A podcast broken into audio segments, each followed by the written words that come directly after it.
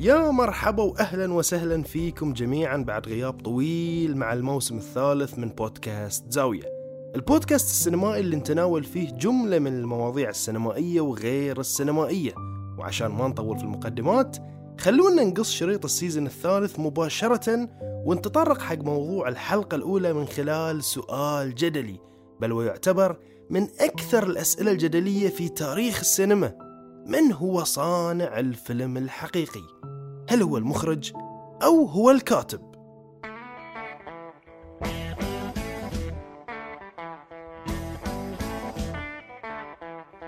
خلال عرض فيلم من أفلام مهرجان ساندان سنة 2000 ابتدى الفيلم بعبارة هذا فيلم للمخرج الفلاني. كعادة عرض أي فيلم سينمائي في المهرجانات. فأثار واحد من الجمهور سؤال إيش معنى طلع اسم المخرج وما طلع اسم الكاتب؟ وهالسؤال فتح باب لجدل مستمر غير منتهي إلى يومنا اليوم عن أهمية المخرج والكاتب بالنسبة للفيلم. وصرنا كالعادة بين فريقين. فريق يقول أن المخرج هو الأهم لأن السينما جانب بصري وهو اللي ترجم هالكوم الكبير من الأفكار النظرية والعاطفية والاجتماعية إلى مشهد سينمائي. في حين أن الفريق الآخر قال أن الكاتب هو الأساس لأنه هو اللي يضع الأفكار وهو اللي يضع الحوارات وهو اللي يبني الشخصيات ونقاط التحول وهو اللي يسوي لك ختام حق كل هذا الكوم الكبير من القصة والسؤال اللي يطرح نفسه هني من هو صانع الفيلم؟ في البداية لازم نستوعب شنو هي مهام المخرج وشنو هي مهام الكاتب في صناعة الفيلم والسؤال اللي يطرح نفسه ليش دائما المخرج هو اللي يبين في الصورة مو بالكاتب. كم منا مثلا يعرف مارتن سكورسيزي في مقابل كم واحد فينا يعرف تشارلي كوفمان؟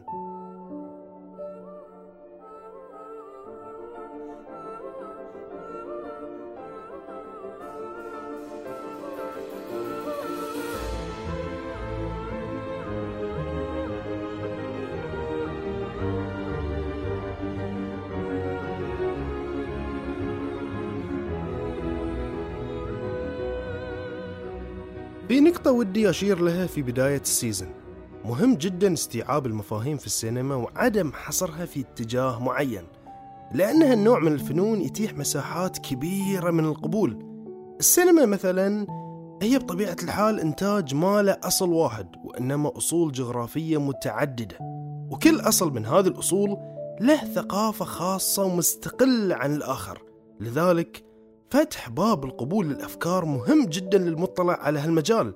والقبول ما أقصد فيه بس قبول الإنتاجات وإنما قبول التعريفات والمفاهيم السينمائية أيضا مثل تعريف المخرج أو تعريف الكاتب.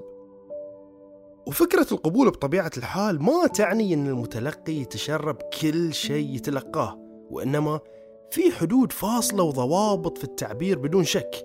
لذلك دائما المخرجين والكتاب يقولون ابتعدوا عن التفسيرات والرسائل الأحادية اللي تلزم المشاهد باتجاه معين أو تعريف معين وإنما تشوف المخرجين والكتاب الأوروبيين والآسيويين والأفريقيين واللاتينيين إيش قاعدين يسوون وتعرفوا عليهم بدقة لأن مشاهدة أفلامهم مو بس تعطينا فكرة عن الصناعة السينمائية شلون ماشية عندهم وإنما نستوعب شنو هي المفاهيم النظرية اللي ماشيين عليها واللي تعتبر أساس لعملهم التطبيقي وهذه بدون شك أهم بمراحل.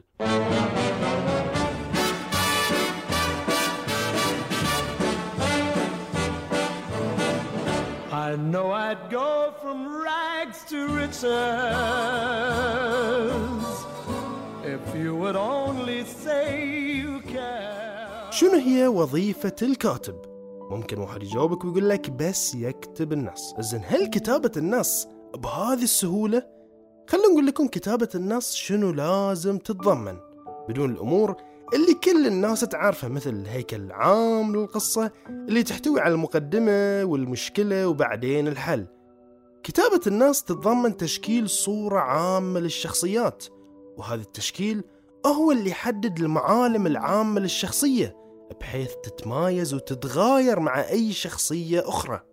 بالإضافة لذلك فكاتب النص أمامه تحدي كبير جدا وهو تقديم الشخصيات أمام المشاهد والعجيب أن عدد من كبار كتاب النصوص مثل نيكولاس بليجي يعتبرون هذه المسألة من أصعب المشاكل أو خلينا نقول التحديات اللي تواجههم في عملية كتابة النص لأنها ساعات تتعرقل مع تقديم القصة فالجهد يكون غصبا على الكاتب مضاعف خصوصا في حالة الأفلام اللي تتعدد شخصياتها وما ترتبط إلا في الأخير مثل بابل على سبيل المثال. علاوة على ذلك الكتاب يعانون من تحدي أشرنا إليه في الموسم اللي طاف في حلقة شخصيات الشر وهو كيفية تسيير الشخصيات إلى مصير معين على أن يكون هالطريق المرسوم مقنع وما له بديل أفضل وبمعزل عن شخصيات الشر حتى شخصيات الخير بحاجة لمسار يقودهم إلى مصير مقنع وغالبا ما يربط هالمصير بعلاج لمشكلة عانوها في بداية الفيلم. فالكاتب هني نلاحظ أنه يقود عملية مزدوجة مركبة. في الوقت اللي قاعد يرسم مسار للقصة هو قاعد يرسم مسار لفروعها أيضا. نفس على سبيل المثال النص الساحر اللي كتبه مات ديمون وبن أفلك في فيلم Good Will Hunting أو مثلا نص ثلاثية Dark Knight لو حصرنا الأجزاء الثلاثة كلها في امتداد واحد. وشفنا شلون ابتدت رحلة بروس وين وشلون انتهت. ومن مهام الكاتب أيضا الاتساق مع عقل المخرج. في أحيان كثيرة مثلا نشوف الكاتب في باله مجموعة من الأفكار ولكن صعب تتجه في نفس الاتجاه اللي قاعد يروح له المخرج. وهني لازم أشير للخلاف المشهور اللي صار بين ستانلي كوبريك والروائي ستيفن كينج أثناء كتابة فيلم The Shining اللي صار أن ستيفن كينج ما عجبته بعض اختيارات كوبريك في صياغة المشاهد لأنها حسب زعمه قاعدة ترسل رسائل مغايرة للي يشوفه هو فانسحب من المشروع من البداية. ونقدر نقول أن كوبريك استانس أكثر بهالقرار لأنه دائما يحب يتفرد بأفلامه ويكتبها مثل ما يشوفها هو. كثير كتاب ونقاد كانوا يشوفون اللي سواه كوبريك أنانية لكنه في النهاية كان وفي لفكرة لابد وأن النص يكون متسق تماما مع الإخراج لأن الإخراج في هالحالة كان مرآة للنص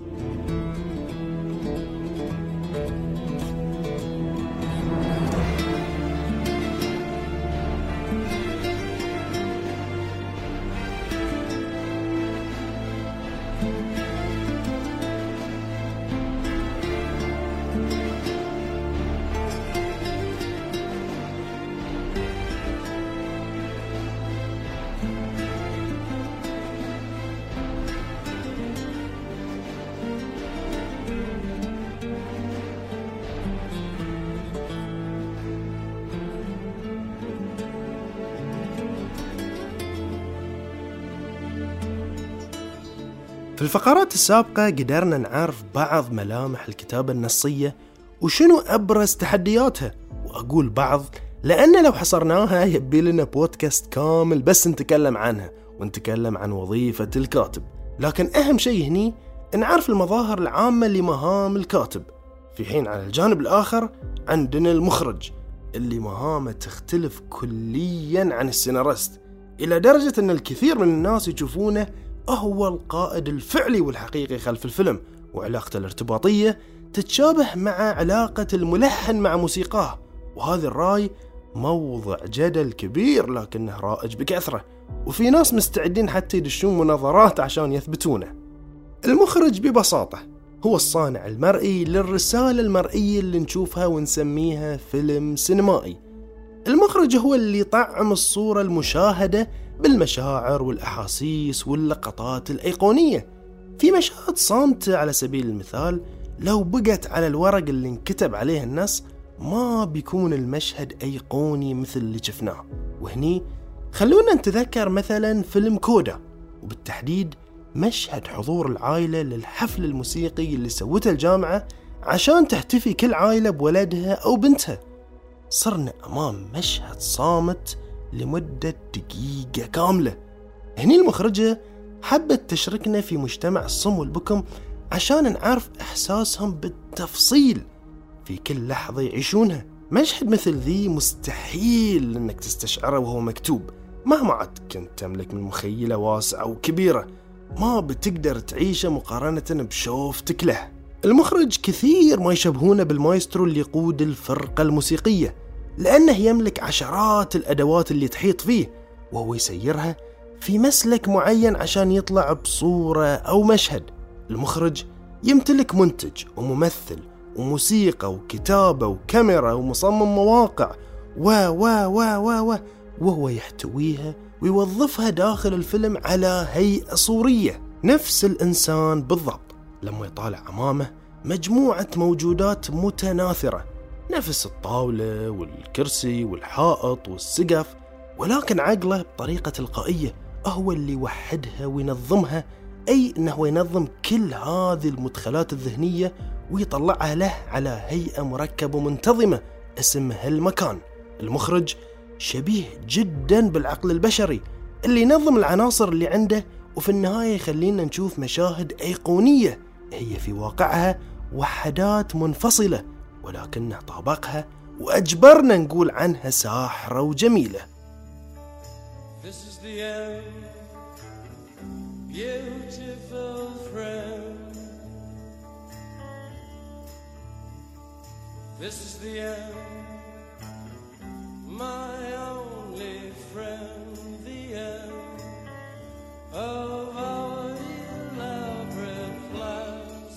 كثير من المخرجين يشوفون إن المخرج هو الصانع الحقيقي للفيلم من دون أي نبرة استعلائية ولكن هذه هو الواقع بالنسبة لهم. مثل مارتن سكورسيزي. في كتاب The Filmmaker's Eye حق جوستافو ميركادو يقول المؤلف إن سكورسيزي يشوف مهنة المخرج أصعب مهنة لأنه يتعامل مع متغيرات كثيرة مع علمه إنها غير مثالية بالنسبة له ولكن عبقرية الإخراج في طريقة توظيفها. مع مراعاة نوعية الفيلم ونمط الفيلم ومن بيكون جمهوره. وهذه النقطة أعتبرها أكثر نقطة تخلي سكورسيزي من أهم وأفضل ثلاثة مخرجين في التاريخ لأنه أخرج أفلام نوعياتها مختلفة تماما. مع ذلك نجح فنيا وجماهيريا بشكل مو طبيعي.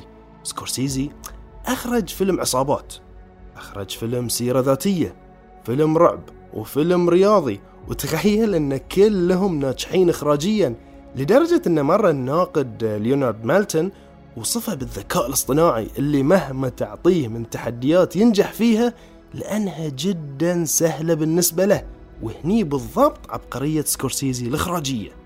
في حين في كتاب يشوفون أنفسهم النواة الحقيقية اللي يقوم عليها الفيلم.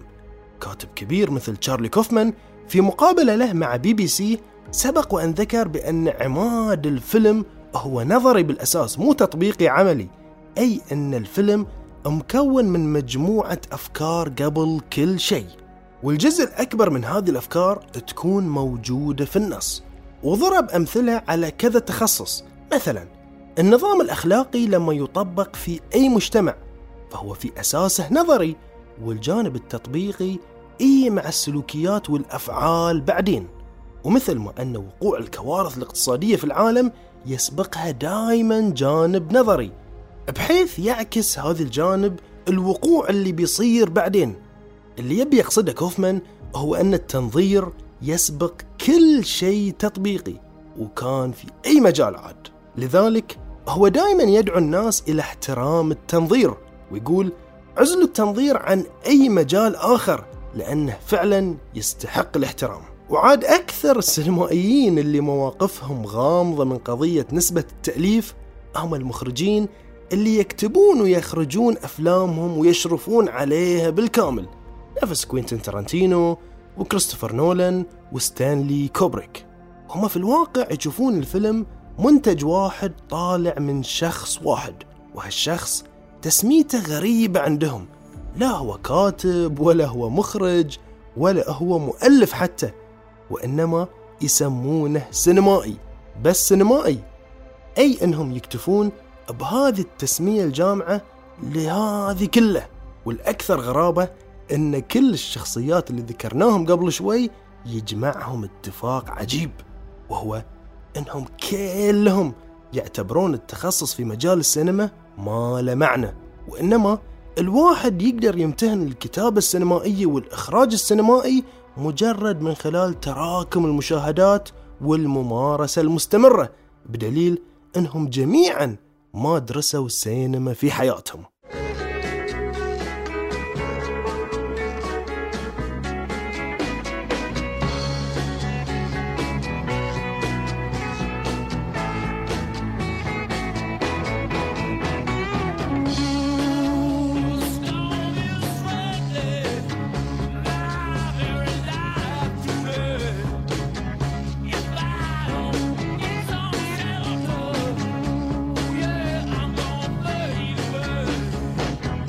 وبعيدا عن آراء المخرجين وكتاب النصوص. في بعض الكتاب في مجال السينما يستحقون الواحد يلتفت لهم. مثلا عندنا كتاب The Basics of Filmmaking لبلين براون. موقفه نفس ما يقولون صاير بين موقفين. نلاقيه يرفض السؤال من أصله ويشوف أن الإشكالية جاية من السؤال نفسه. فبوجهة نظره الموضوع يعاني من خلل مو لأن إحنا محتاجين عقل سينمائي فلسفي عميق يفكك ويحلل.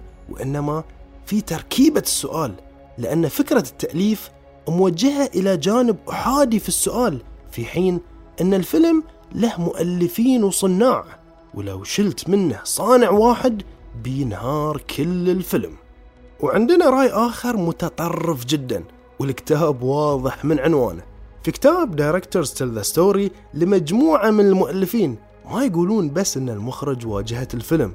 أو أن المخرج راوي الفيلم بصريا. لا لا.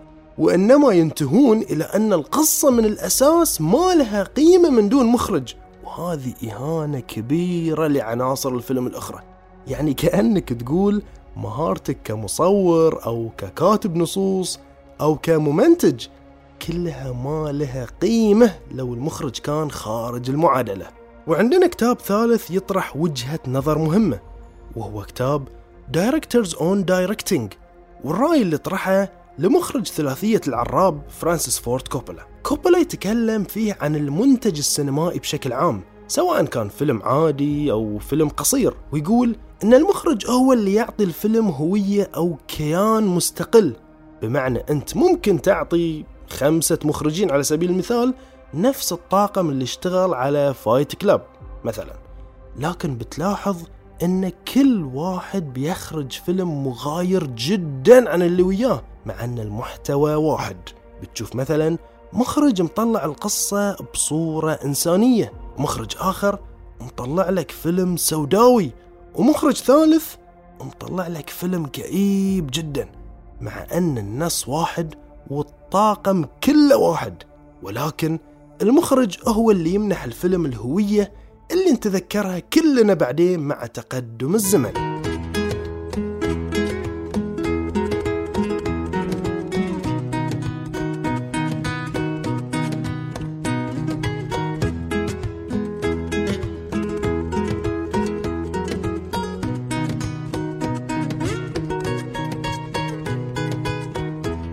سياق الحلقة خلاني أتذكر عبارة دائما أستذكرها لمؤرخ من مؤرخي الفلسفة.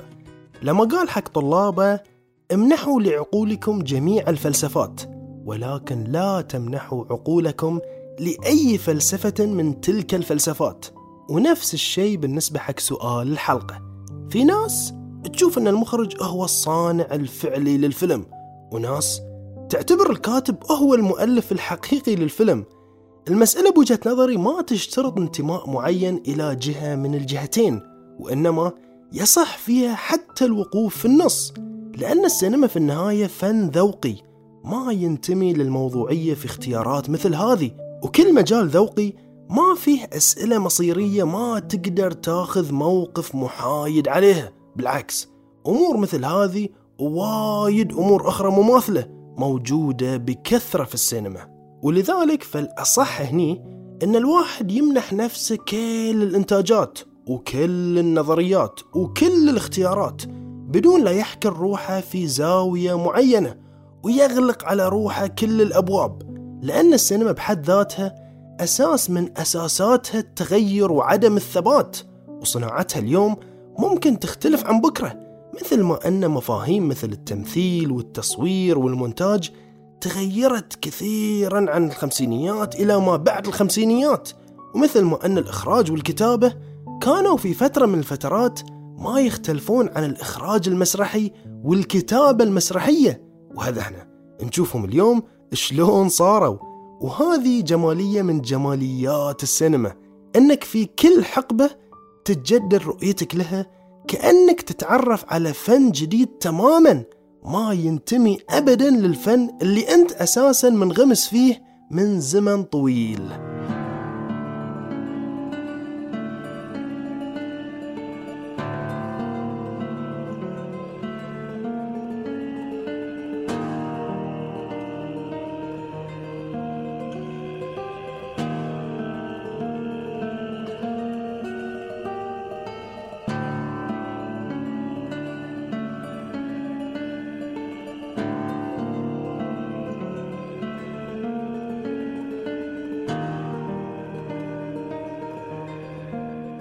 كانت هذه التفاتة سريعة وموجزة جدا لسؤال من أكثر الأسئلة الجدلية في تاريخ السينما. أعتقد كل من سمع الحلقة أكيد بيشوفها قاصرة لأن النظر لهالتساؤل مثل نظر الإنسان للمكعب ثلاثي الأبعاد. أنت في الواقع تشوفه من زاوية واحدة ونفس الشيء بالنسبة للحلقة.